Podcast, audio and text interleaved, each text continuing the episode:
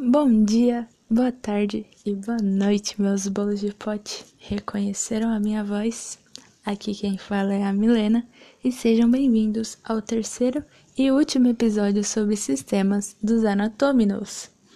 Hoje falaremos do sistema respiratório e vocês devem estar se perguntando: Oh meu Deus, sistema respiratório?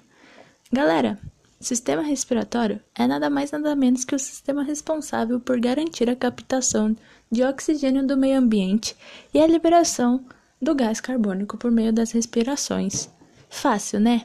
Agora, fiquem ligados com a informação babado que o Livinho, que não é só cantor de funk, tem para vocês. É com você, Breno.